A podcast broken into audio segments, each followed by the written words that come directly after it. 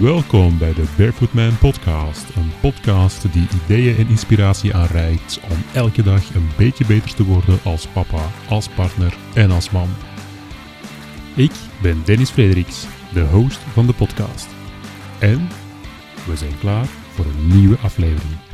Hallo Barefoot Man. Welkom terug bij een nieuwe aflevering van de Barefoot Man podcast. De podcast die jouw ideeën en inspiratie aanreikt om beter te worden als papa, als partner en als man in totaliteit.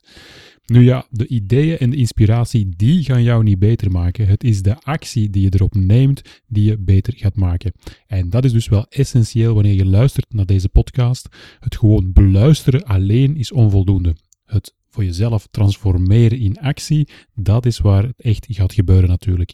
En dat kun je voor jezelf doen, maar misschien ga je dan merken dat het soms niet eenvoudig is om jezelf te blijven in beweging houden, jezelf te blijven mobiliseren.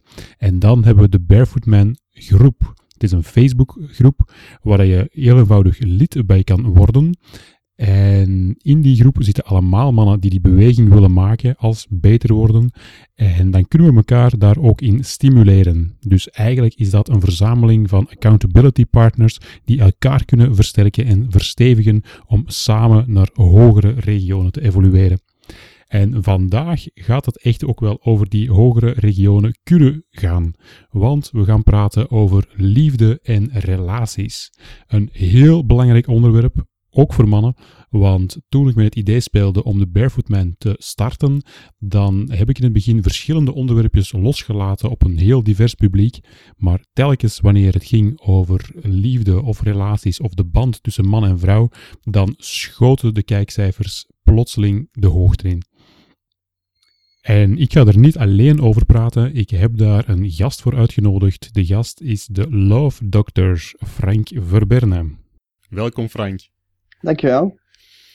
Wel Frank, als ik jou uh, even introduceer, um, datgene wat ik van jou weet, hè, dan mag je zelfs nog helemaal aanvullen. Uh, maar datgene wat ik van jou al weet, is dat je nerds helpt die ongewenst vrijgezel zijn. En die wil je vooral helpen in het spel van de liefde. Dus als ze een mhm. ander spel gaan spelen dan enkel de, de videospelletjes die ze normaal spelen. Ja. En je hanteert daar de, de slogan of de quote voor jezelf in, dat je zegt van ik doe dat, want iedereen is het waard om liefde te ontvangen. Vind ik sowieso wel een, eh, een mooie. Um, en je doet dat vanuit eigen ervaring. Um, dus dat je zelf eigenlijk heel dikwijls in de friendzone terecht bent gekomen. Um, maar je doet dat niet alleen vanuit de eigen ervaring, je doet dat ook vanuit een theoretische onderbouwing, dat je echt gepromoveerd bent als dokter in de psychologie. Je hebt daar ook een NLP-opleiding bij, dus je weet ook echt wel hoe de mens en het intermenselijke werkt en in elkaar zit. En dat richt je nu allemaal op de liefde van dan de nerds. Um, je hebt daar ondertussen ook een boek over geschreven, van, uh, van gamer naar player. Maar daar kunnen we later nog even dieper op ingaan. Ja, dat is goed. Um, dus ik zou zeggen, Frank, voilà, dat is even een korte introductie. Um, aan jou de eer om, om er nog wat meer over te vertellen. Ja, um, je hebt eigenlijk uh, in de introductie de belangrijkste punten wel behandeld. Uh, de reden waarom ik nu doe wat ik doe, en dadelijk komen we meer inhoudelijk op wat, wat ik precies doe, mm -hmm. is inderdaad dat ik ongeveer tien jaar lang ongewenst de hele tijd in de friendzone kwam. Um, mannen die daar misschien minder bekend mee zijn, dat is uh, een situatie waarin je dan wel verliefd wordt op een vrouw, maar die vrouw ziet jou slechts als een vriend of als een broer bijvoorbeeld. Uh, dus de verliefde um, gevoelens worden niet um, teruggegeven aan de andere kant. En uh, als je er keer op keer in komt, dan ligt er iets aan jouw gedrag dat daarvoor, ja, wat er de oorzaak van is. En het heeft mij tien jaar lang gekost om daar achter te komen, om dat gedrag te veranderen en uiteindelijk wel de gewenste resultaten te krijgen.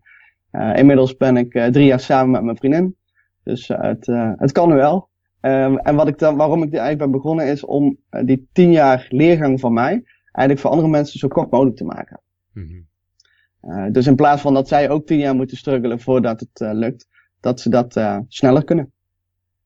En inderdaad heb ik daar dus, uh, ja, ik heb uh, me verdiept in menselijk gedrag door middel van een op, ja, opleiding in psychologie en daarna een promotieproject. Mm ging niet specifiek over de liefde, maar daar heb ik wel heel veel theorieën en modellen geleerd over menselijk gedrag en waarom mensen dingen wel doen of juist niet doen. Uh, en met de NLP-opleiding is inderdaad inhoudelijk wat meer tools en gereedschappen om mensen um, in handen te geven om zelf de controle over hun leven te krijgen en ook dus ook over hun liefdesleven. Ja.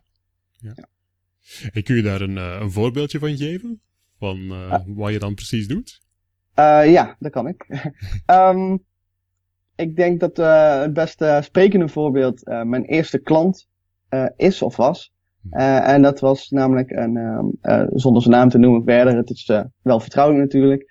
Um, het was al een man van ongeveer 43 jaar. En die had nog nooit gezoend. Heel zijn leven vrijgezel geweest. En toen kwam hij bij mij terecht via via. En toen heb ik een één coachgesprek met hem gehad van ongeveer een uur. En dat heeft hem getriggerd om zelf aan de slag te gaan met eens kijken wat ik eraan kan veranderen zelf. om betere resultaten te krijgen. Voordat hij aan mijn jaarprogramma deelnam, had hij al een relatie en die is, na drie maanden was hij uitgegaan. Maar toen weer een paar weken later had hij tweede relatie die, als het goed is, tot nu toe nog steeds gaande is. Dus al meer dan een half jaar in ieder geval. Mm-hmm. Dus ja, van de situatie van heel mijn leven ken ik het niet anders dan dat ik vrijgezel ben geweest. En ik heb nooit intimiteit ervaren met een vrouw op seksueel niveau. Mm en dat in een, uh, in een, ja, minder dan een half jaar tijd. Zo'n drastische verandering. En uh, gewoon even knopje omzetten, dingen uit, anders kijken naar de situatie. En de motivatie geven dat het wel lukt. En ja, dat, dat, dat doe ik eigenlijk. Ja, ja, dat is inderdaad die, uh, die leertijd van tien jaar wel serieus reduceren. ja, precies. Dat, uh, dat is wel een mooi voorbeeld hoe, uh, hoe snel het kan gaan. Ja. Um, ja, en uh, dat, ik probeer het ja, zo, zo snel mogelijk te doen. Maar het is ook, bij sommige mannen heeft het gewoon meer tijd nodig. Uh, en dat, dat is voor iedere situatie wel anders. Dus ik zeg niet dat mijn, mijn succesrate altijd is van, hé, hey, binnen een half jaar heb je vriendin of zo, want dat kan ik gewoon niet garanderen. Mm-hmm. Um, maar ik kan je wel de tools geven als je zelf aan de slag wil om de beste versie van jezelf te worden, de meest aantrekkelijke versie van jezelf. Mm-hmm. Dan uh, zijn er genoeg tools voor. En die, uh, die ken jij waarschijnlijk ook wel uh, en ik pas het toe in de liefde. Ja, ja, ja. schitterend, schitterend. Ja. En ja, zoals dat je zegt, hè, de, de meest aantrekkelijke versie van jezelf zijn en dan ook blijven, dat is natuurlijk voor iedereen belangrijk. Niet alleen voor degenen die vrijgezel zijn. Mm. Um, dus daar kunnen we zelfs ook nog even op uitweiden van hoe kun je dat nu niet alleen naar het vrijgezellen uh, toepassen, maar hoe kun je dat ook gewoon in je relatie toepassen. Ja. En in je boek uh, heb je daar een modelletje voor uitgewerkt, hè? Het, uh, het player-model of de player-methode.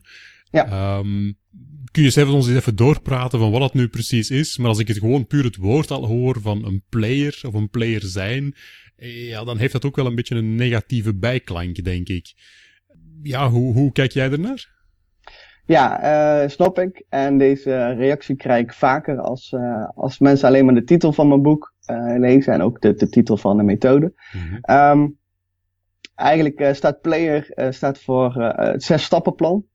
of zes stappen ja, die je kunt volgen om de meest aantrekkelijke versie van jezelf te worden. Mm-hmm. En natuurlijk in de computerwereld, bij nerds die gamen nogal graag, de meeste.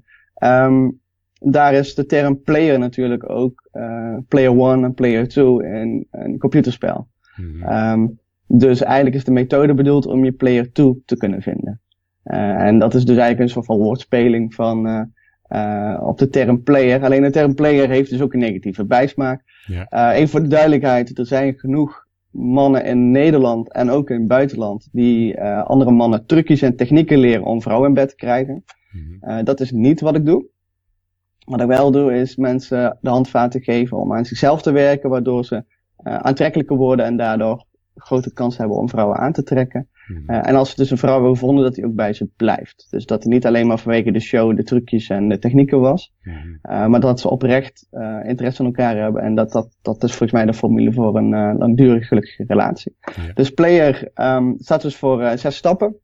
Ja. En Uh, de eerste stap P. De, de misschien voordat je er helemaal op ingaat, want ja, je, je zei er net een, een heel interessante, dat je zegt van uh, de partner aantrekken en dan ook ervoor zorgen dat die bij je blijft. -huh. um, en dat, dat was ook een, een vraagje dat ik erbij had van, ja, in hoeverre kun je dat eigenlijk leren? Want als je dat zelf aanleert, dan ben je iets aan het doen dat misschien niet helemaal 100% eigen is aan jezelf. Ga je dan niet vroeg of laat ergens door de mand vallen? Ik vergelijk het altijd met uh, leren autorijden. Mm -hmm. Als je geboren bent, kun je geen auto rijden. Ja. Dan is het heel normaal om autorijlessen te nemen. Uh, dat je theorie-examen doet en dat je praktijklessen neemt. Mm -hmm. En uh, na oefenen en proberen en je krijgt van een meester die het kan, de, de instructeur, die vertelt hoe het moet. Die zit naast je, die corrigeert je wanneer nodig is. En dan mag je examen doen en dan, daarna kun je het alleen. Uh, dat vinden we heel normaal in de maatschappij, dat iedereen, of ja, iedereen die, die auto wil rijden, die, die moet een theorie-examen hebben gedaan en praktijkexamen. Uh, en dan mag je de weg op. Mm -hmm. Op liefdesgebied zitten mensen zonder, zonder rijbewijs achter het stuur. Mm -hmm. Uh, en dan, dan kun je zeggen van ja, het moet van nature komen en je moet gewoon jezelf zijn. Uh, als dat niet de gewenste resultaten oplevert die jij zoekt, dan denk ik dat je die, um, die manier kunt aanpassen. En de manier is eigenlijk hetzelfde. Leer van iemand die, die hetzelfde heeft gedaan. Mm -hmm. En uh, verbeter je daardoor en, en, en verrijk jezelf daardoor. En dan, dan kun je zeggen, dan word je iemand die je nog niet bent als degene die je nu bent niet de gewenste resultaten oplevert, moet je iemand anders worden, een andere versie van jezelf, jezelf upgraden, mm -hmm. om de resultaten te bereiken die je wel wil hebben. Ja, ja, ja. Dus het is niet zoals dat je zei, van, dat je echt bepaalde trucjes gaat toepassen. Nee. Um, maar het is echt gewoon een, een, ja, een upgrade van jezelf, zodat je, dat je nieuwe dingen ja. kan toepassen die dan wel het gewenste resultaat opleveren. Ja. ja. En uh, soms kan het nuttig zijn om uh, een truc of een techniek als uh, als hulpmiddel te gebruiken. Mm -hmm. uh, want ja, de manier waarop die vaak wel werken is, um, heel veel mannen zitten in een ongewenste situatie op het gebied van de liefde. En het kan zijn dat ze bij een partner zitten die eigenlijk niet goed bij hen past, of dat ze vrijgezel zijn, of uh, de situatie maakt op zich niet zoveel uit. Omdat ze te weinig zelfvertrouwen hebben dat ze uh, veranderingen kunnen maken, blijvende veranderingen kunnen maken. Mm -hmm. En wat die trucjes en technieken wel doen, is uh, mensen, mannen de ervaring geven van, hé, hey, nu lukt het wel. Ik kan het dus wel. En daarna hebben ze die technieken en trucjes niet meer nodig om authentiek uh, een vrouw aan te trekken. Dus het, ja, die, die trucjes en technieken kunnen hulpmiddelen zijn om iets te ontlokken en wat ervaring op te doen. Mm -hmm. uh, het is niet de focus waar ik het op leg. En, en, soms is het nodig dat de mensen weten hoe je een vrouw aanspreekt. En noem je dat een trucje of een techniek? Ja, het is, het is een soort van manier uh, die je kunt proberen om te kijken of de gewenste resultaten oplevert. En als dat wel zo is, hou hem. Als het niet zo is, verander hem. Ja, en dan is het misschien handig om wel eens even door die stappen te gaan. Hè? Je wou er ja, net al induiken. Uh, ja. dan, dan weten we ook precies waar je het over hebt. Ja, dus uh, uh, de P van player staat voor perspectief. En daarbij bedoel ik dat je um, door anders naar zaken te kijken, verandert de zaken waar je naar je kijkt. En dat bedoel ik mee dus als je, kijk, als jouw leven al goed is hoe het nu is, en dat jouw perspectief is van, hé, hey, ik, ik, ik, uh, mijn leven is prima en ik hoef niks te veranderen. Prima, vooral doen. Mm-hmm. dan, dan kan ik ook, dan, dan kan ik ook niks voor je betekenen. Mm-hmm. maar als jij in het perspectief zit van, ja, niemand vindt me leuk en ik kan geen relatie krijgen, of ik, uh, ik ben afhankelijk van deze vrouw waar ik bij ben, uh, financieel. En als we uit elkaar zouden gaan, dan met de kinderen. En, en gewoon belemmerende overtuigingen eigenlijk die je dan tegenhouden. Um, door anders naar de zaken te kijken, veranderen de zaken. Um, mm-hmm. dus, dus dat is, uh, je kunt letterlijk perspectief um, veranderen. je kunt op, als je op een andere plek gaat staan in een ruimte, dan zie je de ruimte letterlijk anders. Mm-hmm. Maar het gaat vooral over de psychologische perspectief. Ja. Um, dan uh, de tweede stap. En als je dan, uh, als je dan aangeeft van het perspectief veranderen, ja, wordt ook wel eens gezegd van je kan pas echt van iemand houden als je van jezelf houdt. Um, mm -hmm. Dus dat je eigenlijk het niet als een probleem moet aanzien dat je alleen bent? Als jij het als probleem ziet dat je alleen bent en dat je iemand nodig hebt om je leven compleet te maken, dat is een niet behulpzame perspectief, volgens mij. Dus dat hoor je soms ook al mensen zeggen, dit is mijn wederhelft. Als je dan letterlijk luistert naar wat ze zeggen, is dat zonder die ander ben ik maar de helft. Zij is mijn wederhelft. Um, ik zeg altijd van, ik ben één, mijn partner is één en samen zijn we drie. Dat betekent niet dat ze zwanger is, dat betekent dat wij samen meer zijn dan, het, dan de som der delen. Ja, ja, ja. En dus dat je synergie creëert. Uh, dus dat, dat je leven bij elkaar voor beide meer oplevert dan uh, beide levens apart. En dan heb je volgens mij uh, de basis voor een goede relatie. En dat is dan het perspectief dat mensen ook moeten aannemen van hoe kijk ik nu naar mezelf, hoe kijk ik nu naar relaties. Ik zeg zelf niet welk perspectief je moet aannemen. Okay. Uh, ik geef perspectief als een tool, dat is eigenlijk de eerste tool, ja. um, om door als je nou anders naar zaken gaat kijken, dan veranderen de zaken. En uh, sommige mensen zijn geneigd om hun eigen wereldmodel, hun eigen paradigma te blijven kijken. Dus in een, in een hokje. Mm-hmm. Um, het is eigenlijk think outside the box, op een andere manier naar de zaak kijken. Ja, ja. Uh, ge geeft meer mogelijkheden. Als je in het begin denkt van ja, ik, ik kan niet anders, dan kijk je er met een beperkende blik naartoe. En als je naar, met een andere blik naartoe kijkt, dan zie je opeens meer mogelijkheden letterlijk. Mm-hmm. En, en daar, daar begint het eigenlijk mee. Want als je geen mogelijkheden ziet in het begin, mm-hmm. uh, dus daarom is het ook de eerste stap, uh, dan, dan zit je vast. Ja. Ja. En eerst moet je uit de vaste situatie naar een, een wat vrijere mindset komen. Ja. En wel, welk perspectief dat dan is, dat, dat maakt me niet zoveel uit. Alleen het besef dat, dat je perspectief kunt gebruiken om het te veranderen. Ja, ja, ja. Oké, okay, helder. Ja. Uh, stap 2, uh, dat is de L van lange termijn. Dat staat dus eigenlijk voor twee woorden. Lange termijn heeft eigenlijk alles te maken met doelen stellen. Mhm. Oftewel, weten wat je wil. Dat, daarbij kan ook bij een relatie weten wat je niet wil. De, Mhm. Het is vaak zo dat mannen meerdere vrouwen uh, relatie, relatie hebben met meerdere vrouwen voordat ze degene tegenkomen met wie ze hun hele leven uh, delen. Mhm. dat is wat ik om mij heen zie als normaal. Um, Mhm. er zijn uitzonderingen. Sommige mensen ontmoeten elkaar als ze jong zijn en ze blijven hele leven bij elkaar. Dat kan ook. Mhm. Maar door meerdere ervaringen op te doen, uh, kom je erachter van, hey, dit was geen positieve ervaring en deze type persoon vind ik niet leuk om, om een relatie mee te hebben. Mhm. En deze eigenschappen van deze persoon vond ik wel leuk. Dus je gaat um, ervaringswijs, ervaringswijs, uh, ga je kijken van, uh, wat past wel bij mij, wat past niet bij mij. En wat wil je uiteindelijk?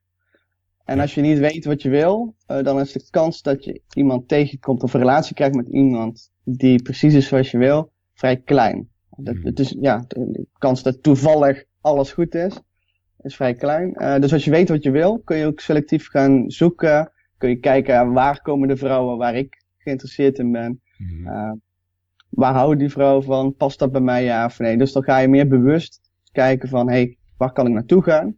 Um, en als je dat duidelijk hebt, dan heb je een soort van, uh, net als bij een auto, heb je een navigatiesysteem. En als je je eindbestemming niet weet, dan is het lastig om de weg te bepalen. Dus zo kun je het een beetje vergelijken. Dat, dat klinkt ook wel een stukje rationeel, hè? een rationele benadering ervan.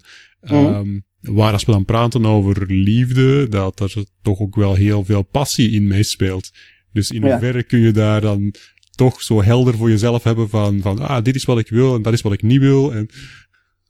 Je zou kunnen zeggen, ik wil ook dat er passie is in de relatie.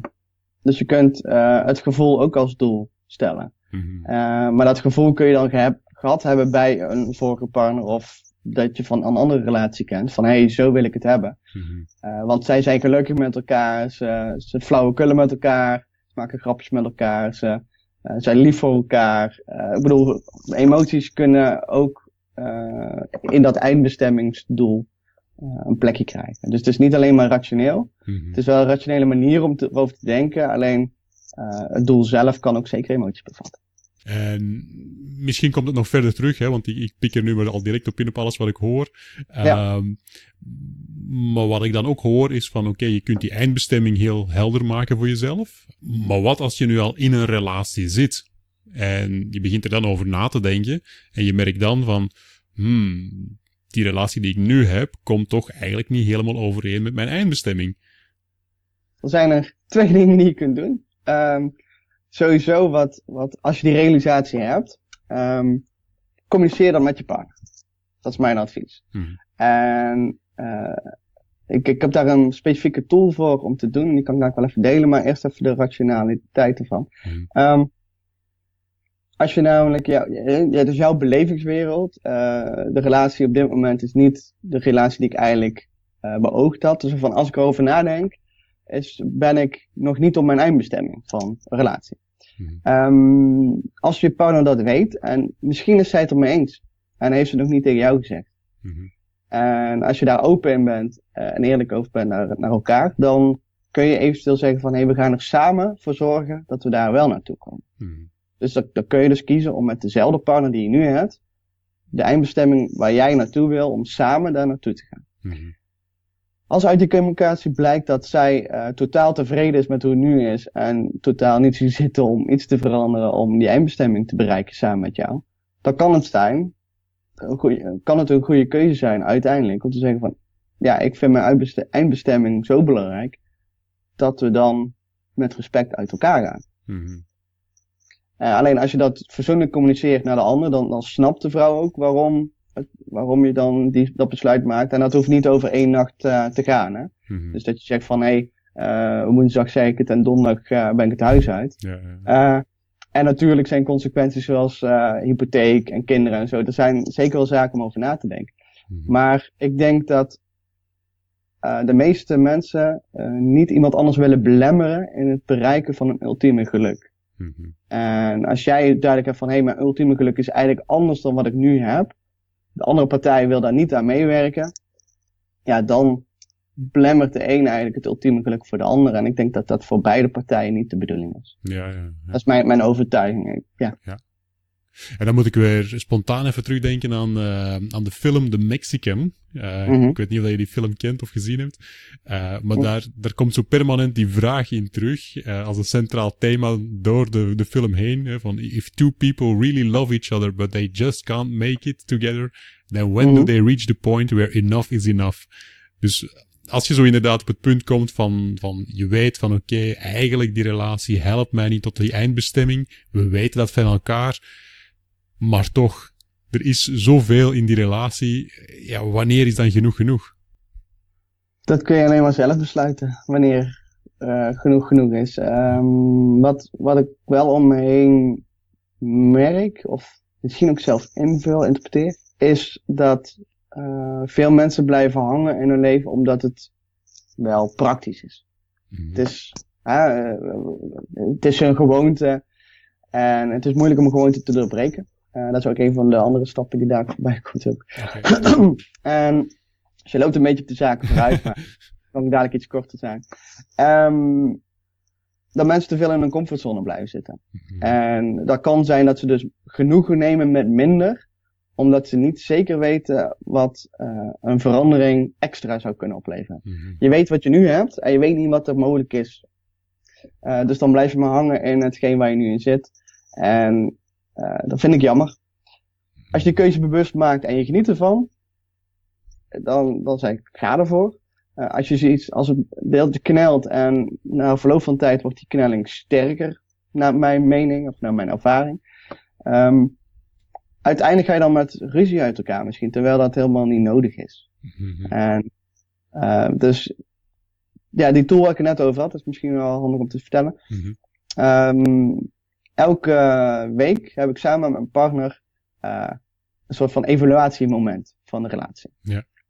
En uh, op het werk wordt heel veel vergaderd van hoe het nu staat en uh, de doelen en zijn die bereikt ja of nee en afspraken maken. En in een relatie doen men, heel veel mensen die, die ik ken, die doen dat niet. Die, die modderen maar wat aan en als er dan iets mis is, dan zeggen ze van, nou, ik zeg het wel niet, want anders ga je weer zeik. En, mm. um, dus wat wij daarvoor doen, is elke week even de week evalueren van wat ging er goed deze week, uh, wat deed de ander minder efficiënt of minder handig uh, en wat zou die volgende keer anders kunnen doen. Mm -hmm. uh, daar hebben we wel respect voor elkaar, dan is gewoon ja, de, de, de ruimte is het, die ruimte te creëren dus eigenlijk, om elkaar feedback te geven. En zowel positief als negatief feedback. Dus we geven elkaar complimenten over hey, uh, die situatie die afgelopen week, toen op woensdag, toen we daar en daar waren, hartstikke goed dat je nu zo hebt gehandeld, want vorige keer had je dat heel anders gedaan, dus dan ben je gegroeid. Mm -hmm. En uh, aan de andere kant, of, ja, vrijdag uh, hadden we die situatie en toen...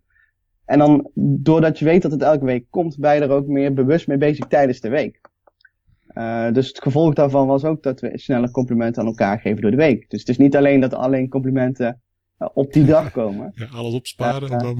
ja, zo, nee, hey, compliment, oh shit, die moet ik bewaren voor dat moment. Nee. Um, die kun je nog herhalen, dat, dat compliment. Als je vaker hetzelfde compliment wil geven, is prima. Mm um, en ook, ik merk ook dat feedback geven op momenten van, hey, hoe je nu reageert, dat, uh, uh, waar komt dat vandaan? Hè? Is dat door mij of door de situatie of wat is er aan de hand? En dat we alle twee meer bewust worden van onze reactie naar elkaar toe. Mm -hmm. En uh, dan voorkom je dus eigenlijk dat je uit elkaar gaat groeien, dat kleine irritaties opbouwen tot een hele grote, hè, dat, uh, dat spreekwoordelijke emmertje zo uh, steeds mhm. voller gaat, dat de druppel komt, die helemaal nergens op slaat, die heel die emmer zo doet overlopen. Ja, ja. de welbekende emmer. Uh, dat kun je voorkomen, volgens mij. Wat, wat mij echt aanspreekt in datgene wat je nu vertelt, is dat uh, ja, je bent er dan heel bewust mee bezig. En hmm. ik denk dat er heel veel personen zijn die hun relatie, ja, zoals dat ze zo mooi in het Engels kunnen zeggen, for granted nemen. Um, ja. Er gewoon vanuit gaan van oké, okay, we zitten erin, het is zo en we gaan maar voor. Waar jij nu heel bewust zegt van nee, don't take it for granted. Hè. Het is er niet zomaar. Je moet er aan werken, je moet er mee bezig mee zijn. En doe dat ook heel bewust. Ja, inderdaad. En uh, wat ik heb gemerkt is dat het de relatie ten goede komt. Mm -hmm. uh, want elke week heb je eigenlijk een, eh, een terugkoppelmoment waarin je de ander feedback kunt geven van wat je anders zou willen zien. Maar dat de ander ook kan zeggen van, hey, um, hè, in het begin ruimde je niet zo goed op. En ik merk nu dat ik zonder iets te hoeven zeggen, dat je de vaatwas opruimt. En, dat, en, en dan, dan heb je ook zoiets van, hé, hey, ik, dan maakt de ander je ook bewust van je eigen groei. Mm-hmm. En uh, dan moet je wel een partner hebben die daar ook hetzelfde in zit natuurlijk. Dus eh, dat, dat is ook een van de stappen die later komt. Uh, is ook wel iemand die bij je past. Ja. En als dan blijkt dat je dat nog nooit gedaan hebt en je probeert het te keren en de ander staat er niet voor open of die, is, ja, of die heeft alleen maar negatieve feedback te geven en geen positieve feedback, dan kun je afvragen van, ja, zit het wel goed. En, ja. en dan kun je ook wel steeds zeggen van, oké, okay, blijkbaar zijn er heel veel verbeterpunten. Mm-hmm. Laten we volgende, voor volgende week ga ik meer letten op dit en dit punt. Dat, dat, als er een hele waslijst komt, dat je zegt van, ja, ik kan niet in één week alles verbeteren. Dat, uh, dat is een beetje lastig. Als je dat helemaal opgestapeld hebt op de loop der jaren. Uh, dus geef elkaar ook de ruimte en de tijd om dat, uh, om dat te doen. Mm-hmm. Dus als de relatie niet goed is, wat je net ook een beetje zei, dan mag je best de tijd geven om uh, voor de ander gedrag te veranderen. En als je dan die tool gebruikt die ik net zei, hmm. dus dat je wekelijks even een evaluatiemomentje doet, um, dan, uh, dan kan dat je helpen om, uh, om de relatie te herstellen en, en te blijven werken, zoals je net zei. Mooi, mooi. Ja. Maar misschien even de volgende stappen, want je hebt al een paar keer ja. aangegeven, we lopen Precies. wat voor. Dus. ja, um, dus de twee stappen hadden gehad perspectief en lange termijn. Mm -hmm. En de derde stap is aandacht. Mm -hmm. En uh, dat is een puntje uit de psychologie eigenlijk, ja, hoe ons brein werkt. Um, heel veel van alle prikkels die binnenkomen, die worden onbewust verwerkt. Hmm. Uh, als je een percentage aan moet geven, worden vaak uh, 95% onbewust uh, en maximaal 5% bewust. Hmm. En ik weet niet hoe je het precies kunt meten, maar in ieder geval, het zou kunnen zijn 1% en 99%. Een heel groot gedeelte wordt onbewust gedaan en een klein gedeelte bewust. Ja, ja. Uh, en dat bewuste, dat wordt gestuurd, onze aandacht, met onze aandacht kunnen we ons bewuste sturen. Uh, onze aandacht kan maar op één ding tegelijkertijd zijn. En de, mijn vraag is dan altijd van, uh, op welk moment is je aandacht en waar is je aandacht? op welk moment, je hebt drie tijden. je hebt het nu, verleden en je hebt de toekomst. Mm -hmm. uh, met je aandacht kun je nog in een gebeurtenis zitten van vroeger. Van, uh, ik ben vroeger gekwetst door die en die vrouw of een ex of uh, een vorige relatie dat je die nog niet los hebt gelaten. Dat je de hele tijd daaraan terugdenkt en mm -hmm. dat je eigenlijk nog vastzit in die relatie terwijl je misschien al bezig bent of in een andere relatie zit. Mm -hmm. um, en andere mensen zitten te veel aan de toekomst te denken. Uh, die alleen maar zorgen maken waar het naartoe gaat en uh, uh, niet in het hier en nu leven. Mm -hmm. En dus deze stap gaat er meer over, deze tool dat je je aandacht kunt sturen. Uh, stuur je aandacht naar hetgeen wat belangrijk is. En stuur hem naar het nu. Ja. Het enige moment waar je je toekomst kunt veranderen is in het nu. Mm -hmm. Dus met die lange termijn, die vorige stap ging eigenlijk van, ga naar de toekomst toe. En bedenk waar, waar je naartoe wil. Maar blijf daar niet hangen van, hé, hey, duidelijk naartoe en het is toch niet zo. ga dan naar het nu om te kijken wat je nu kunt veranderen om daar naartoe te gaan. Mhm. kleine stapjes nemen om daar naartoe te gaan. Mhm. Uh, en ook in het hier, uh, dat wil zeggen dat je aandacht soms ook kan zijn naar een andere locatie. Zie ik af en toe in een uh, restaurant als mensen stelletjes uit eten gaan, dat ze zo op een mobiele telefoon zitten, alle twee. Ja. Ze zitten tegenover elkaar, zitten alle twee met hun aandacht ergens anders. Ja, ja. Dat lijkt mij niet handig voor een connectie te maken. Dus als jij, als jij connectie wil maken met degene die tegenover je zit, en dat kan in een date situatie zijn. Dat kan zijn dat je vrouw is waar je al twintig jaar mee getrouwd bent. Of dat kan een eerste date zijn. Mhm. Zorg dan dat je aandacht bij die andere persoon is. En uh, dat je in een hier en nu bent. Dus die telefoons die mogen gewoon op vliegtuigmodus tijdens een date. Ja. Of tijdens een afspraakje. Of tijdens... Ik, uh, als ik met mijn vriendin, uh, als we televisie zitten kijken of soms gesprekken of zo, soms zetten we ons mobiel gewoon op vliegtuigmodus. Ja. ja. Om even niet, zo even niet bereikbaar zijn. Mhm. Mhm.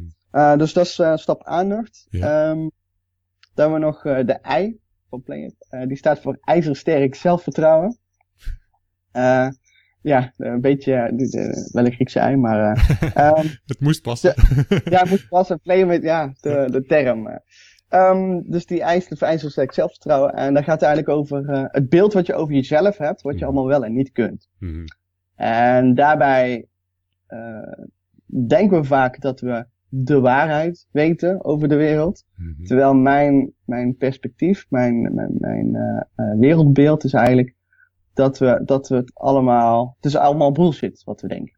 Uh, dat heeft te maken met die prikkels die binnenkomen die vooral onbewust verwerkt worden. Mm -hmm. Maar mensen hangen te veel wa waarde aan hun waarheid. En uh, bij mij is de vraag van, helpt het je vooruit in een leuk leven of houdt het je tegen? Mm -hmm. dat zijn eigenlijk de twee vormen van waarheid die, die bestaan. Of de twee typen bullshit die ik dan uh, uh, bedenk. En, en zelfvertrouwen, uh, daar hebben heel veel mannen, maar ook vrouwen, gewoon mensen, um, negatieve bullshit erbij. Dus belemmerende overtuigingen over zichzelf van dat kan ik niet, ik ben niet goed genoeg. Mm -hmm. En daardoor spreek je niet al je vermogens aan die je hebt. En bereik je niet het meeste uit het leven wat je kunt halen. Dus die, die zelfvertrouwen is eigenlijk een sleutelrol om, uh, als je daaraan gaat sleutelen en kijken hoe je dit kunt ver verbeteren of, of realistisch kunt krijgen of kunt verhogen, versterken, het is mooi hoe je het bekijkt. Ja. Dan kun je veel meer bereiken. Ja, ja. Dus die, die stap moet je ook niet, uh, niet overgeslagen worden. En wat als het zelfvertrouwen ondermijnd wordt net door de relatie? Ja, want je hebt een stukje uh, het ijzersterk zelfvertrouwen nodig om sterk te staan in die relatie. Maar er gebeuren ja. dan bepaalde dingen in die relatie die dan net ervoor zorgen dat je aan jezelf begint te twijfelen. Kun je een voorbeeld noemen? Want ik snap even niet precies wat je bedoelt. Goh, bijvoorbeeld, uh, zoals dat je er net zei, hè, met die, die wekelijks overlopen van hoe dat je met je partner omgaat, hoe jij erin staat. En mm. je partner geeft regelmatig een opmerkingetje of een verbeterpuntje mee. En dat je daardoor net aan jezelf begint te twijfelen. Oké, okay, ja, ik snap hem. Um, een van de, uh, van de gedachtegangen vanuit NLP is er bestaat geen mislukking, alleen feedback.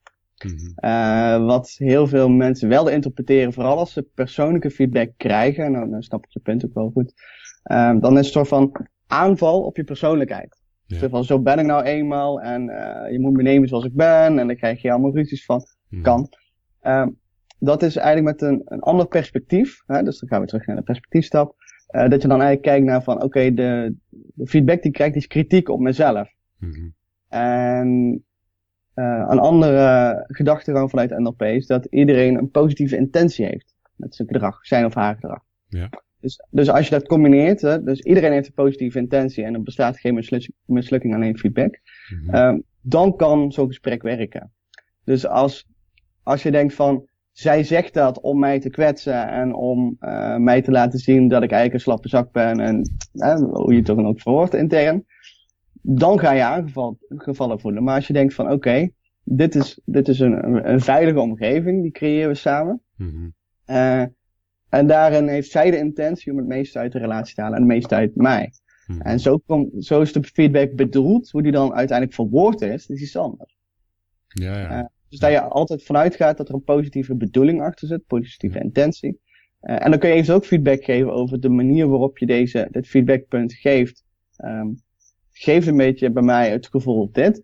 En dan kun je terugkopen, zou je misschien uh, volgende keer op een andere manier die feedbackpunt kunnen verwoorden. Want ik, ik snap je punt en misschien ben ik het met je eens, daar moet ik even komende week over nadenken. Um, maar hoe die nu geformuleerd is, uh, merk ik van mezelf weerstand. En dat is volgens mij niet de bedoeling. Of wel zo.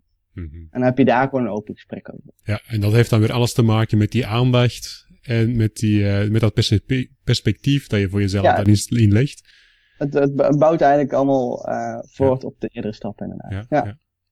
Maar dat vraagt natuurlijk wel heel veel van jezelf. Want hè, zoals dat je het nu uitlegt, om op die manier in dat, dat gesprek te kunnen aangaan, uh, jezelf daarin niet aangevallen te voelen, dan correct te verwoorden, zeggen van kijk, ik sta er met de juiste intentie in. Ik veronderstel dat jij er ook met de juiste intentie in staat. Uh, mm. Je kan het misschien volgende keer anders formuleren. Ja, dat vraagt wel heel veel, denk ik, van iemand. Hè? Want het is heel gemakkelijk om, uh, en dan zeker op het moment dat je in de stress zit en, en, en dan, ja. dan gebeurt er nog heel veel op je werk en dan misschien zijn er nog in de relatie nog kinderen waar er ook nog veel moet gebeuren en dan wordt er even een verkeerd woord gezegd en dan boem. Ja, maar dat, ja, dat ik, ik, snap het. Ik, uh, is die situatie die je beschrijft. En ik denk dat die ook wel herkenbaar is voor veel uh, luisteraars mm -hmm. en kijkers. Dan denk ik, uh, het, is, het, is, het is een vraag die ik nog niet eerder heb gekregen, dus daar moet ik even over nadenken dan denk ik dat je, dat er op meerdere vlakken in je leven, dat er nog wat te doen is. Dat bedoel ik eigenlijk mee dat, eigenlijk zijn deze stappen bedoeld om uh, je liefdesleven op orde te krijgen. Maar liefde is één van je onderdelen in je leven. Dus als je op werkniveau, op um, familieniveau, op uh, inkomenniveau, op ja, gezondheidsniveau, dat, is, dat zijn andere, ja, allerlei andere gebieden in het leven die ook belangrijk zijn. En als, als het op het ene gebied niet goed gaat, dan heeft het effect op andere gebieden. Dus, um, dus eigenlijk is er de, de, de uitdaging, en dat, dat is inderdaad best, kan best wel lastig zijn, om een evenwichtig leven op te bouwen. Ja. En uh, misschien is het dus ook wel goed uh, om, ja, als je al kinderen hebt, dan, dan, dan kun je daar niks meer aan veranderen die niet zijn. Maar dat je bewust voor kinderen kiest. Dus dat je van hmm. tevoren de dingen verwerkt in je relatie, kijken van op een gegeven moment zorgen dat die relatie, de fundering goed is. Mm-hmm. En dat je denkt van, oh, we kunnen het wel aan om ouderschap toe te voegen. En eh, als ik om me heen kijk, vul ik het voor andere mensen een beetje in, dat niet iedereen daar heel bewust mee om is gegaan. En natuurlijk, er kunnen situaties voorkomen waardoor uh, een, een oepsje, zoals ze het noemen, ja. um, kan gebeuren. En als je dan besluit om het kind te houden, dat, die keuze mag je gewoon hebben. Mm-hmm. Uh, maar dan kies je ook voor de consequentie. Uh, dus keuzes maken is de basis van hoe je uh, je leven vormgeeft. Ja. Um, en dat is eigenlijk een van, uh, dit staat er niet specifiek in het model, uh, maar dat is eigenlijk verantwoordelijkheid nemen voor je leven. Mm -hmm. En dat ontbreekt vaak als iemand zegt het, het overkomen of ik kan er niks aan doen. dat ze eigenlijk de controle van het probleem buiten zichzelf leggen. Mm -hmm. Uh, wanneer jij verantwoordelijkheid, 100% verantwoordelijkheid neemt voor je leven. En dat is lastig. Dat, hè, we zijn, het is makkelijk om te zeggen van het komt door de ander of door de kinderen of door. Uiteindelijk ben jij degene die bepaalt hoe jij op de situatie reageert. Mm. En uh, ja, als dus al die dingen, al die stressbronnen er al zijn, dan zal het misschien wel langer duren voordat die balans te vinden is. Maar mm. Uh, voordat die stressbronnen zijn, kun je ook al werken aan jezelf om ervoor te kijken van hey, wie ben ik nou, waar sta ik voor, wat, wat brengt mijn energie, wat kost mijn energie, uh, hoe kan ik omgaan met de situatie, hoe kan ik mijn gedachten aanpassen, zo. En dat, mm -hmm. dat is eigenlijk ook de methodologie van NLP helpt je daar ook bij. Mm -hmm. uh, dus ik, da daarom voeg ik die dingen nog wel toe bij verschillende stappen. Ja, ja, ja, inderdaad. En dan ja. is het eigenlijk het begin van een, van een heel traject van zelfontplooiing uh, ja. Waar je misschien begint met die, die player-methode en specifiek gericht op de liefde, maar dan merk je eigenlijk al heel snel van, oei, nu spelen er ook nog andere dingen mee. En moet ik daar dus ook iets aan doen? Wil ik die relatie ook helemaal goed hebben? Ja, en die players, die stappen van een player-methode, uh, ik heb hem nu, nu toegepast op de liefde. Eigenlijk kun je die stappen ook toepassen op andere gebieden. Dus uh, ja. perspectief is belangrijk. Wat voor doel heb je voor ogen? Waar wil je naartoe? Hmm. Um, hoe ga je daar aandachtig mee om? En als je je aandacht verdeelt over allerlei gebieden, dus ik zeg, ik wil en meer inkomen en mijn gezondheid en uh, mijn relatie en dit, dat werkt ja, ja. Je, hebt, uh, je hebt een beperkte hoeveelheid aandacht, dus ja. je kunt ook focussen op een van de belangrijkste onderdelen en dan, dan kun je misschien zien van, welke gebieden van mijn leven uh, is het minste of het ergste meegesteld. Mhm. Daar ga ik mijn aandacht op richten. En als die verbetert, dan verbeteren andere factoren ook. Dus we hebben invloed op elkaar. Mhm. Mhm. Um, dus uh, ja, die, die stappen die, die horen daar. Ja. Die kunnen ook toegepast worden op andere gebieden. Oké, okay. mooi, mooi stappen te traject. Mooi traject. Ja. Ja. nog twee stappen te gaan. ja, zeker, zeker. die zal ik even, even wat, wat, ja, wat kort. Gewoon evolutie. Dus de, de player E, evolutie. Um, dat is eigenlijk dat, dat levenslange traject waar je het eigenlijk net over had. Ja. Uh, blijf jezelf verbeteren. Uh, verbeteren betekent dat met je doel voor ogen, Mhm. dat je kijkt of je doel meer bereikt of minder bereikt. Dus dat je er naartoe gaat of je er eigenlijk vanaf gaat. Mhm. En um, hier hebben we te maken met de comfortzone, de welbekende comfortzone. Mhm. En mensen vinden het moeilijk om nieuwe gedragingen, nieuwe gewoontes of oude gewoontes te doorbreken. Um, dat heeft dus de aandacht nodig en die heeft de tijd nodig. De aandachtstap, die hoort daar natuurlijk ook bij. En omgaan met die spanning die meekomt met, met nieuwe dingen doen. Uh, maar wanneer jij stopt met groeien en ontwikkelen, dan, dan uh, ga je niet meer verder om jouw potentieel te bereiken. En dan kan het zijn dat je op, op een bepaalde leeftijd, en daar hangt geen cijfer aan bepaald, maar er kan een bepaald moment in je leven, dat je wel bekende gedachten krijgt. Is dit er nou? Mhm. Mhm. En uh, kan ik niet meer uit het leven halen? Of ja, was het er nou? Ja, zo, dan, dan ben ik eigenlijk wel klaar mee. Ja. Uh, dus dat je wellicht wat uh, depressieve gedachten kunt krijgen of in ieder geval neergeslagen gevoelens krijgt. Terwijl ik denk van ja, zolang je nog leeft, heb je nog groeipotentieel. Ja. dat is net als, net als in de natuur. Als een, als een plantje klaar is met groeien, dan gaat hij dood. Mhm. Dus, als je dat vergelijkt met mensen, als jij stopt met groeien, dan ga je van binnen een beetje dood. Mhm. Dus wanneer je blijft groeien, blijf je ook leven, blijf je optimistisch, positief, vrolijk, Mhm. uh, enthousiast. En dat is alleen maar goede elementen voor uh, verbeteren, meer succes in je relatie, maar ook op andere gebieden in je leven. Ja, ja, ja. ja. Dus als je bewust eigenlijk nieuwe dingen blijft doen. Ja. En is het altijd, altijd even helder? Zoals jij zei van die evolutie, helpt het jou? Gaat het in de goede richting of niet? Um, is het altijd zo rechtlijnig? Of kan het soms ook met een, met een omwegje gaan? Dat je denkt van... Het Oh, kan, kan zeker met een omweg gaan. Uh, het kan zijn dat je doel ook verandert. Mm -hmm. Dat je denkt dat je een bepaald doel wil hebt. Zo van, ik wil miljonair worden. Uh, misschien uh, hebben veel mensen zoiets van, nou, als ik een miljoen heb, dan zijn al mijn problemen opgelost. Ja. Ik zal je vast vertellen, dat is niet zo. niet dat ik spreek uit ervaring, maar je hebt niet alle problemen op. Helaas, niet uit de ervaring. Ja. Ik denk dat het wel bijdraagt aan een, aan een makkelijker leven. Afhankelijk van hoe je ermee omgaat. Dat is een heel ander gesprek. Mm -hmm. um, dus uh, um, het kan zijn dat je dan een doel voor ogen hebt en dan ga je er naartoe. En dan als, het, als je weerstand ervaart vanuit de omgeving of vanuit jezelf. En dan krijg je een soort van onaangenaam gevoel. Je, als je goed luistert naar je gevoel, dan weet je of je op de juiste weg bent, ja of nee. Mm -hmm. En dat gevoel kan zich manifesteren in uh, lichamelijke klachten. Dus dat je opeens heel veel buikpijn krijgt, of ademhalingsklachten, of uh, vaak zijn er fysiologische reacties als er extreme emoties zijn. Mm -hmm. um, en dan kun je zeggen van, hé, hey, er gaat al een tijdje iets niet goed met me, en hoe zou dat precies komen?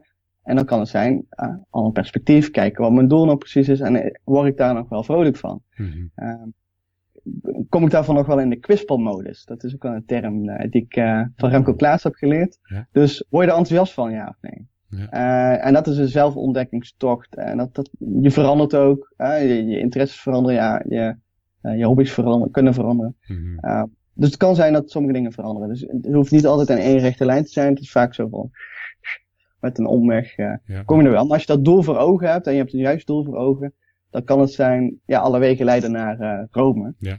je moet alleen lang genoeg doorgaan. Ja, ja. ja. Ja, en ik vind het heel mooi hoe dat je het uitdrukt. Van, zolang je je in de, in de kwispelmodus komt, dan, dan is het goed. ja. Dan maakt, maakt het heel tastbaar. Ja, ja, die term, je, je meet wanneer je in de kwispelmodus bent. Mm -hmm. um, uh, maar die vraag kun je dan jezelf ook uh, stellen. Um, wat ik zelf ook doe, uh, dat is een iets anders, andere tool. niet specifiek voor relaties, maar wel voor persoonlijke ontwikkeling. Ik spreek elke avond met een accountability buddy. Mm -hmm. en daar hebben we een gesprekje van maximaal 10 minuten. Uh, wat we daarin doen is we stellen elkaar een aantal vragen. Mm -hmm. Uh, 10, 11 vragen. Uh, om elkaar eigenlijk op de juiste weg te zetten van, hey, heb je vandaag aandacht geschonken hieraan? Elke avond worden we herinnerd aan onze, onze doelen, onze persoonlijke ontwikkelingspaden. Een van de vragen die ik hem stel, de, de eerste vraag, heb je vandaag gekwispeld? en dan zegt hij van ja of nee. En als je dan met een nee beantwoordt, dan kun je dus, krijg je besef van, hey, wat kan ik er morgen aan doen? Daar gaan we het dan niet hebben in het gesprek, maar dat is gewoon een trigger voor jezelf. Hmm. Ik heb vandaag niet gekwispeld, hoe kan ik ervoor zorgen dat ik dat morgen wel weer ga doen? Ja, uh...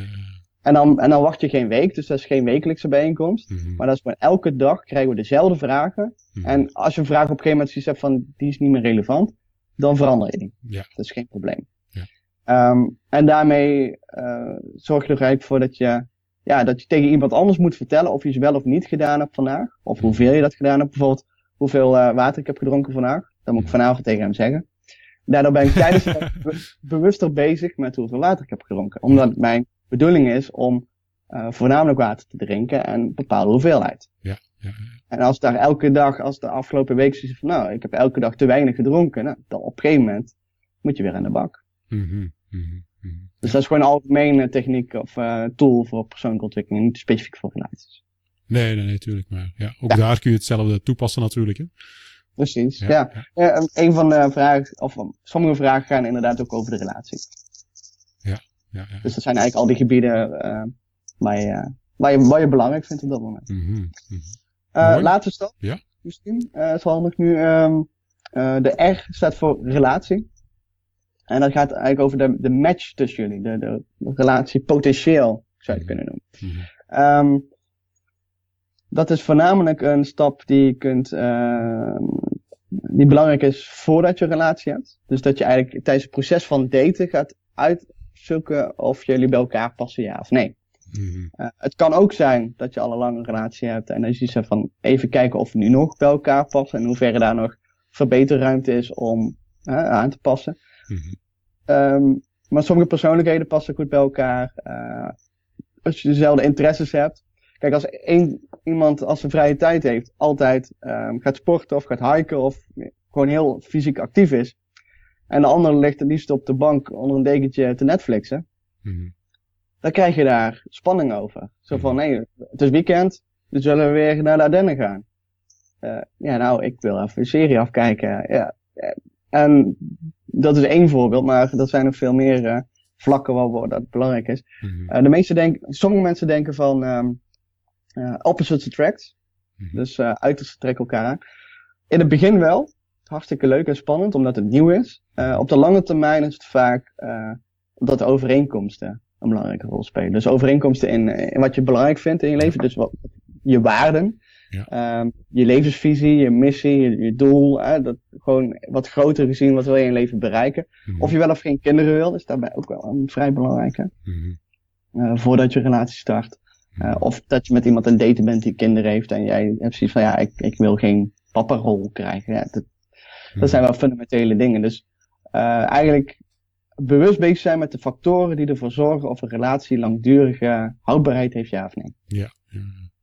Dat is eigenlijk de laatste stap. En dat is, die, die, die, die relatie is echt specifiek voor relaties. Ja. Maar in principe zou met liefdesrelatie, maar ook met, met uh, ouder-kindrelatie, met je, met je ouders, uh, het is niet alleen een romantische relatie in principe. Ja, ja, ja. En dat is dan natuurlijk weer heel sterk gelinkt aan die L van de lange termijn perspectief. Ja, het is allemaal aan elkaar gelinkt inderdaad. Ja, dus, ja, ja. Want het kan ook zijn, net als uh, we het laatste keer ook over gehad uh, in een gesprekje. Uh, als je op een gegeven moment 30, 35, dan, dan verlies je vaak vrienden die je al langere tijd hebt gehad. Mm -hmm. Omdat je dan uit elkaar aan het groeien bent. Ja. Um, en dat is dus pas, passen je vrienden nog wel bij je uh, als heel veel van je vrienden, hè, ze zeggen ooit dat je uh, de vijf mensen met wie je de meeste tijd uh, doorbrengt, dat dat mhm. belangrijke invloed zijn. Je, je, bent de vijf mensen met wie je de meeste tijd doorbrengt. Ja. Als dat vrienden zijn die blijven hangen in het verleden, geen positieve ontwikkeling doormaken, ontevreden zijn over een huidige relatiestatus, of dan dat vrijgezel zijn of in een relatie zitten die niet goed is, mm -hmm. en alleen maar klagen en slachtoffermentaliteit hebben, wil je daarmee nog heel veel tijd doorbrengen, ja of nee. Mm -hmm. Dan kun je een bewuste keuze maken. En ik snap dat die keuze best wel moeilijk kan zijn. Mm -hmm. uh, maar ik heb die keuze zelf ook een keer gemaakt en het, het, is, het helpt wel. Ja. ja. En dan moet je, soms is het goed om mensen te laten gaan. Dus dan kun je zeggen van hé, hey, mijn doel is veranderd of mijn, mijn, ik, ik ben veranderd en pas, passen de mensen met wie ik eigenlijk omga nog wel goed bij mij. Mhm. Wat ik eigenlijk wil, waar ik voor sta. En soms kan het altijd nee zijn. En dat is dan misschien meer van toepassing op het moment dat je al in een relatie zit, maar je eigenlijk er nooit echt vragen bij gesteld hebt en er gaandeweg gewoon toevallig ingetuimeld bent. En Ja. als je dan nu even die, eh, die player toepast, dat je dan eigenlijk tot de constatatie komt van oei, daar zitten we toch wel op een andere golflengte. Ja, en dan kun je dus twee dingen doen die ik net eh, vertelde. Ja. Samen eraan werken of eh, uiteindelijk daarmee stoppen. Ja, ja, ja. En is dat dan ook het antwoord op ehm, ja, een vraag die misschien ook wel meespeelt van ehm, we zitten in een, in een zodanig hypergeconnecteerde wereld Mhm. waar ja, als je vroeger op zoek ging naar een relatie, dan moest je eigenlijk even onder de kerktoren naar het café gaan en dan had je keuze uit vijf partners of potentiële partners, waar dat je Mhm. nu misschien wel keuze hebt uit vijf miljoen partners. Ja. Ja, wat is dan de, de juiste partner voor jou? En dat heeft dan denk ik ook weer te maken met puur die, die R-invulling. Ja, Ehm, dat is een goeie. Eh vond ik ook een goede vraag. eh. ja, vond ik een goede vraag. Ehm, hoe is de juiste partner? Kijk, we leven in een wereld van illusie van, van opties. Mhm. En ik noem het illusie, want eh, als je bijvoorbeeld Tinder erbij pakt, daar, trouwens, daar heb ik mijn huidige vriendin ontmoet, dus ja, Mhm. succesverhaal van Tinder eh, ben ik. Het. Ehm, het kan dus wel, het is niet Ja. alleen maar eh eh vluchtige contacten, maar ook voor lange termijn relaties. Mhm. Ehm, je ziet een hoop foto's. En de ene foto is nog mooier dan de andere. En het is net als een kind in een snoepwinkel. Oh, ik wil alles hebben. En dat, dat uit zich soms in een gedrag van friends with benefits. Dus dat ze wel eh, de, de benefits hebben van een relatie. Dat betekent seksuele contacten vaak. Ehm, zonder de, de negatieve dingen. Ja, sommige mensen zien dat als negatief als die commitment en serieus zijn met een, naar iemand toe. Dus dat je eigenlijk je keuze belemmert. En dat komt volgens mij door de illusie van keuzevrijheid. Omdat inderdaad met een klik op een knop kom je op profielen van mensen over de hele wereld. Mhm. Het is mij eerder gezegd. En toen had ik zoiets van, wat bedoel je dan nou precies mee? Maar nou snap ik het. Ehm, ik heb ervaren dat als je iemand tegenkomt, die, eh, de- als je iemand ontmoet die goed bij je past en zo van, dit is hem. Dit, dit, dit is haar. Mhm. Dit is Ehm en in het begin hoorde ik dat van andere mensen van, ja, hoe weet je nou dat, je, dat dit de juiste is? Ja, dat voel je gewoon. Toen dacht ik van, ja, daar kan ik niks mee. Eh, ik, eh, als ik het niet voel, dan, dan op een gegeven moment, ehm wat, ik, wat ik merkte, eh, was dat ik dus eh, mijn huidige vriendin eh, had ontmoet. En toen was het gewoon anders, beter, ja, maar anders, dan alle andere vrouwen die ik van tevoren had ontmoet. Mhm. Ehm, en ik denk dat je onbewuste dat goed kan oppakken. Dus dat, dat die 99% of die 95% die we onbewust doen, Mhm. dat die een hele goede radar heeft voor dit past bij mij ja of nee. Hoe dat werkt, weet ik niet.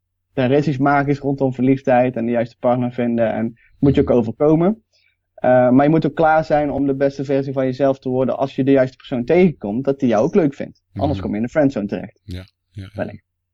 Ehm, dus daarom focus ook wel op dat zelfontwikkeling en de me- meest aantrekkelijke versie van jezelf worden. Mhm.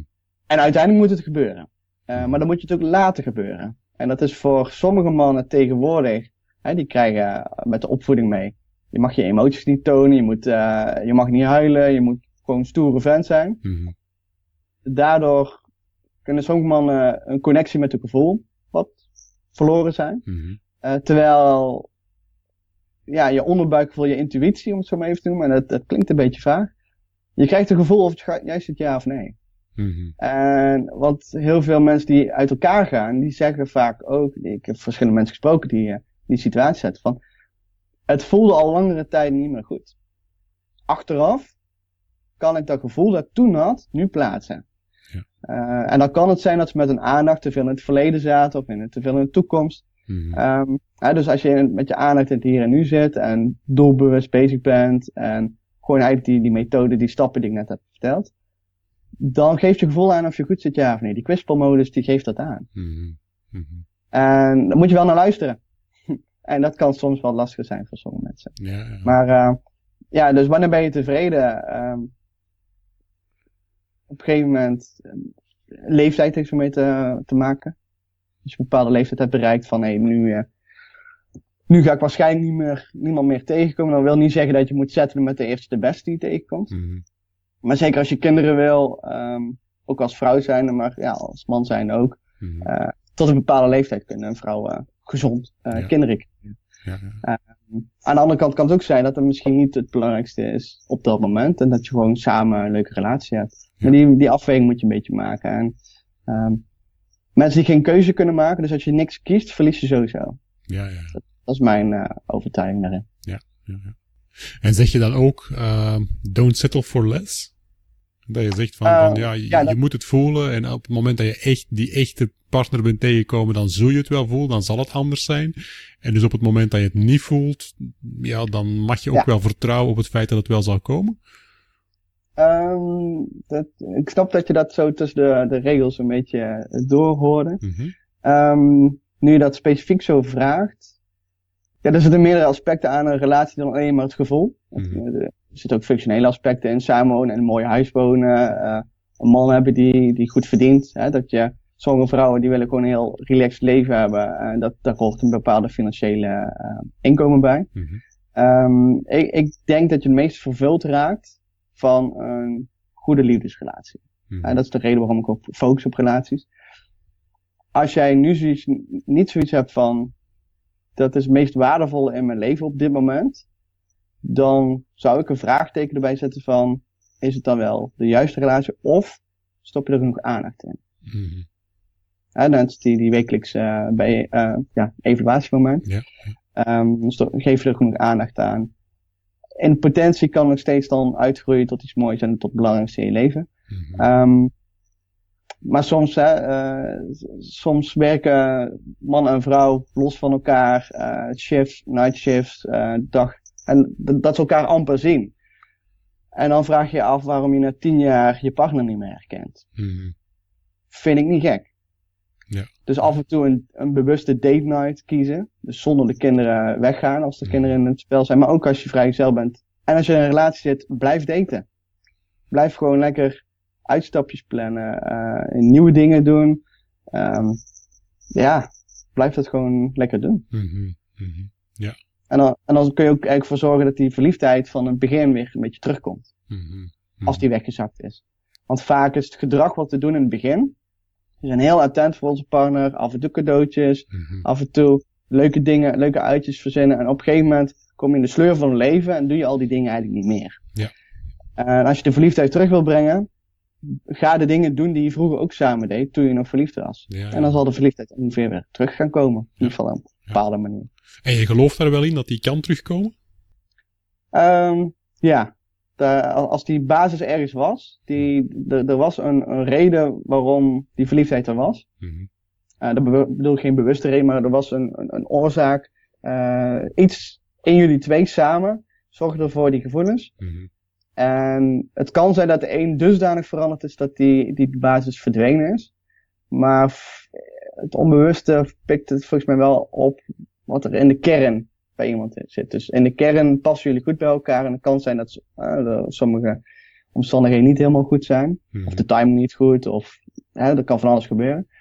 Maar in de basis denk ik wel dat je dus nog aan kunt werken als die verliefdheid wat minder is geworden. Mhm. Dat je die ook weer kunt herstellen. Ja. Maar dan moet je wel werk maken van je relatie. En, en onderhouds, uh, onderhoud plegen. Mhm. En als je dat als je dat vijf jaar of tien jaar lang niet hebt gedaan, dan kan het wel eens uh, een tijd duren voordat dat weer terug is. Maar ja, dat, het is nog wel, uh, als jullie er alle twee achter staan, moeten wel van beide kanten komen, mm -hmm. dan denk ik wel dat dat nog uh, in de meeste gevallen wel kan. Ja, ja. We hebben nu natuurlijk al heel veel besproken, hè, met heel veel uh, ja. zijwegetjes enzovoort.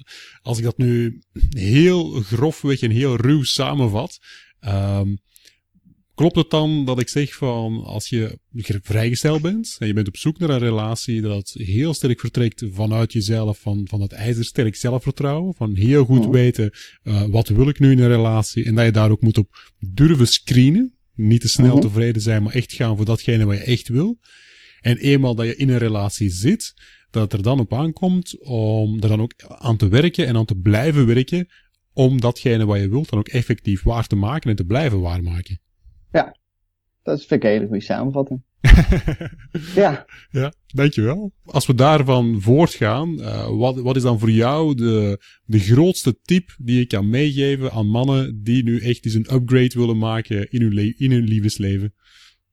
Um, de grootste tip die, die, uh, die, de grootste tip, ja.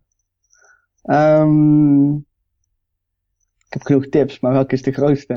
um, ik denk dat de essentie is en dat is een soort van mindset. Mhm. Om te zeggen van, uh, als je situatie nu ongewenst is, onderneem dan stappen om iets anders te doen. Uh, als je blijft doen wat je altijd al deed, krijg je wat je altijd al kreeg. Mm Dat is een bekende uitspraak. Ja. Um, je gedrag zorgt er namelijk voor, voor de resultaten die je nu, dus uh, je gedrag in het verleden heeft de huidige situatie gecreëerd alle keuzes die je onbewust en bewust maakt en alle gedragen en uitingen, alles wat jij, hoe jij reageert op de wereld, zorgt ervoor wat je huidige situatie is. Mhm. Als je daar niet, niet tevreden mee bent, dus als je een andere gewenste situatie hebt, dan zul je dus iets aan jezelf moeten veranderen. Mhm.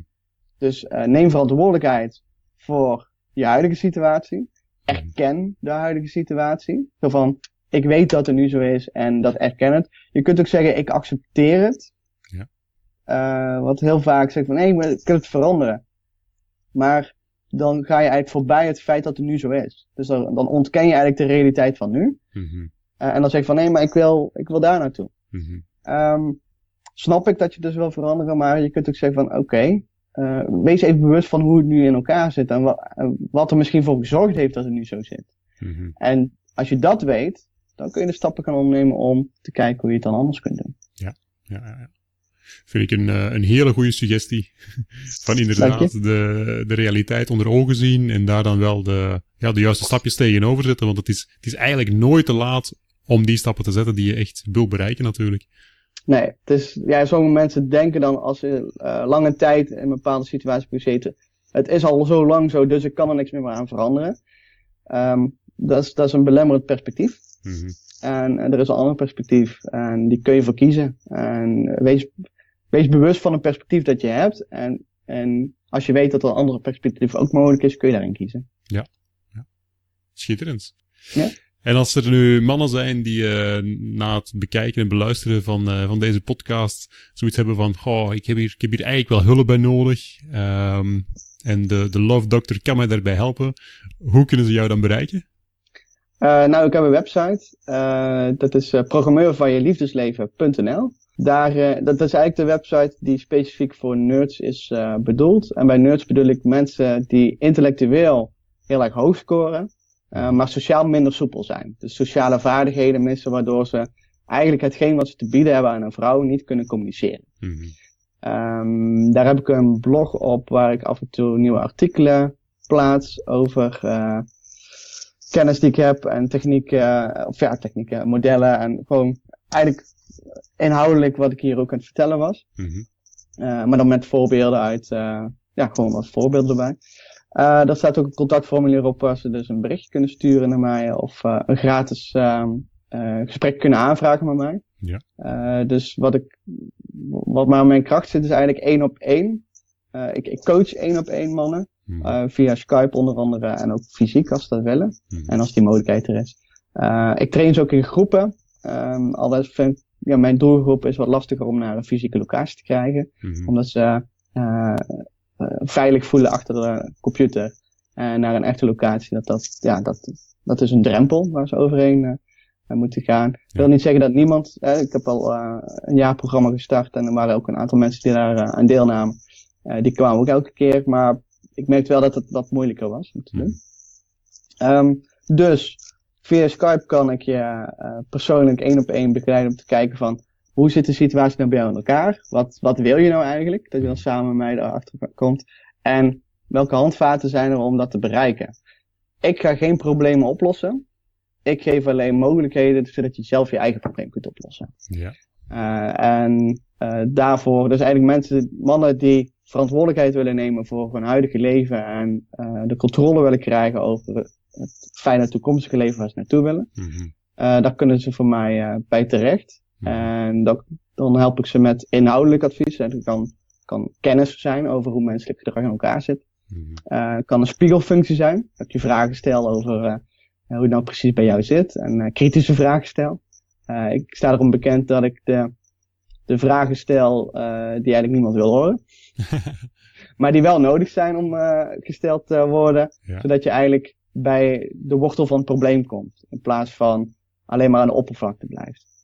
Ja, ja. En eh, ik heb een boek natuurlijk, dus eh, als je ziet van ik wil meer over de methode leren en eh, ja, wat daar precies is. Dus via mijn website van, eh, kijk, oh ja, die is eh, eh, van gamernaarplayer.nl, dat is mijn website voor mijn boek. Mhm. Daar kun je mijn boek bestellen. Op bol.com is die ook te bestellen en die shipt ook naar België volgens mij. Ehm, Oké. dus dat, ik heb een boek, ik heb, ik heb een audioboek. Ehm, Ja. Ik eh, organiseer af en toe mannenavonden. Dus dan eh, komen we bij elkaar. Ik zit net over de grens in, in Nederland. Dus net over de grens van België. eh, in Westerhoven, daar heb ik een locatie. En dan kom ik af en toe met mannen bij elkaar om eh struggelingen waar zij tegenaan lopen op het gebied van liefde of man zijn of eigenlijk vergelijkbare onderwerpen. Om daar samen over te hebben. Eh, Mhm. Gewoon eigenlijk heel informeel. Een beetje eh, mannen onder elkaar. Ja. En dat ik een soort van eh, facilitator ben en, en wat inhoudelijke perspectieven geef waarin ze keuze kunnen maken. Mhm. Ehm, en ik heb dan ook nog wat, eh, wat trainingen die, eh, die je daarna kunt volgen. Dan maar zeggen. Dus ik heb, ik heb verschillende manieren waarop je geholpen kunt worden. En één op één is, eh, ja, dat vind ik het leukste om te doen eigenlijk. Ja, ja. Kan ik mensen ook het best helpen. En dat kan allemaal teruggevonden worden via programmeur van je liefdesleven.nl of via Ja. de website van je boek. En dat is dan eh, van gamer naar naar player. player.nl. Precies. Oké, schitterend. Die gaan we zeker nog vermelden. Nog een laatste vraagje voor jou. Als je nu eens een vraag zou mogen beantwoorden die je eigenlijk weinig of niet gesteld krijgt, maar die je wel heel graag beantwoordt, dan is het nu het moment en nu de kans om die vraag eens te beantwoorden. Dus welke vraag is dat en welk antwoord geef je erop? Ja, eh, dat heeft te maken met die belangrijkste tip die ik net eh, gaf. Maar het zal me even anders worden. Dus ehm, de vraag die eigenlijk niemand, of bijna niemand stelt, is de volgende. Wat kan ik zelf doen om mijn probleem op te lossen? Mhm.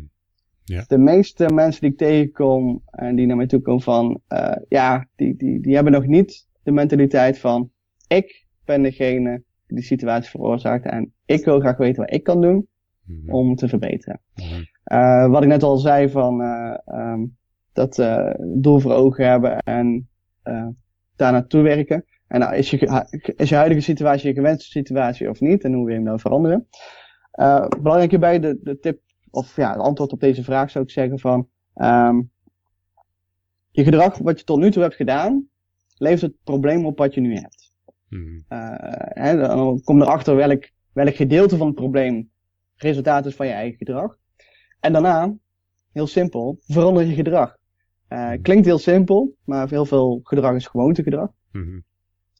En ehm bij dat gedrag veranderen, sommige mensen denken van ja, wat, hoe moet ik het dan veranderen? Ga iets anders doen dan dat je normaal doet. Mhm. Kijk daarna of het een positief effect heeft of een negatief effect. Mhm. de gedragingen die een positief effect hebben, die behoud je. En gedragingen die een negatief effect hebben, die, die, laat, je- die doe je niet meer. En je gaat door met veranderen totdat je alleen maar gedrag hebt die positief effect oplevert. Mhm. Mhm. Dus het is een soort van, van algoritme voor succes, om het zo maar even te noemen. Ja, ja. Ehm, je huidige gedrag levert nu problemen op. Als je problemen oplossen, verander je gedrag. Ga iets anders doen, kijk wat het effect is. En ga door totdat, je alleen maar, totdat het probleem is opgelost. Ja. Eigenlijk heel simpel, maar het klinkt heel simpel, maar om het Het effectief klinkt te doen simpel. is het... eh, de uitvoering kan af en toe wat, eh, wat lastig zijn. En dat zit vooral in de, de overtuiging die je hebt, die belemmerende overtuiging, die perspectief die je hebt. Dus dat, dat is va- vandaar ook de eerste stap om mee, mee te beginnen. Ja, ja, ja. Super. Frank, dankjewel. Ik vond het een, eh, een enorm interessant onderwerp. Een enorm interessant gesprek. Uh, Dankjewel. waar we via verschillende wegen toch tot, tot een heel, ja, heel, hele hoop informatie zijn gekomen. Um, Waar dat ik zeker van ben dat we toch heel veel mee kunnen doen. En ja, zoals dat we net een samenvatting gemaakt hebben, hè, van uh, als je nog vrijgezel bent, uh, of terug vrijgezel bent geworden door een of andere omstandigheid, weet dan heel goed waarom dat je een relatie wilt, wat je van die relatie verwacht.